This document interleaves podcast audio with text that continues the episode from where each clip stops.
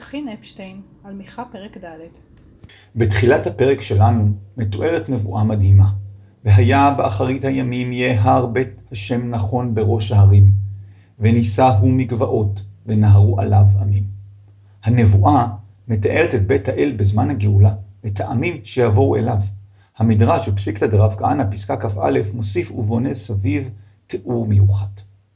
רבי פנחס בשם רבי ראובן אומר, עתיד הקדוש ברוך הוא להביא סיני ותבור וכרמל, ולבנות בית המקדש על גבי ראשיהם. ומה טעמה? והיה באחרית הימים נכון יהיה הר בית השם בראש ההרים.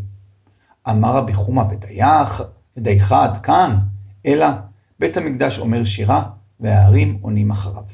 ומה טעמה? ונישא הוא מגבעות. ואין לשון זה ונישא, אלא שירה. בין שני חכמים מתואר דיון על מה יקרה באחרית הימים. האחד מביא שלושה הרים מרכזיים למקום אחד, ובונה עליהם את בית המקדש, ואילו השני אינו מסתפק בכך, ודייך עד כאן. הוא מתאר תיאור הרבה יותר גדול, שבית המקדש אומר שירה וכל ההרים עונים לו בשירה. מה עומד מאחורי מדרש זה? הרי לכאורה החכמים דורשים כל אחד חלק אחר של הפסוק. כשהחכם הראשון מדבר על ההרים שבאים, הוא מתייחס לעמים שההרים האלו מייצגים, ואם כן, הוא רק מתאר בלשונו את סוף הפסוק, ונהרו עליו עמים. ואילו חברו, שמדבר על שירת המענה של ההרים, מפרש את חלקו הראשון של הפסוק. יהיה הר בית השם נכון בראש ההרים. אבל נראה שבין החכמים יש מחלוקת. האם בית המקדש הוא שלנו או של כולם?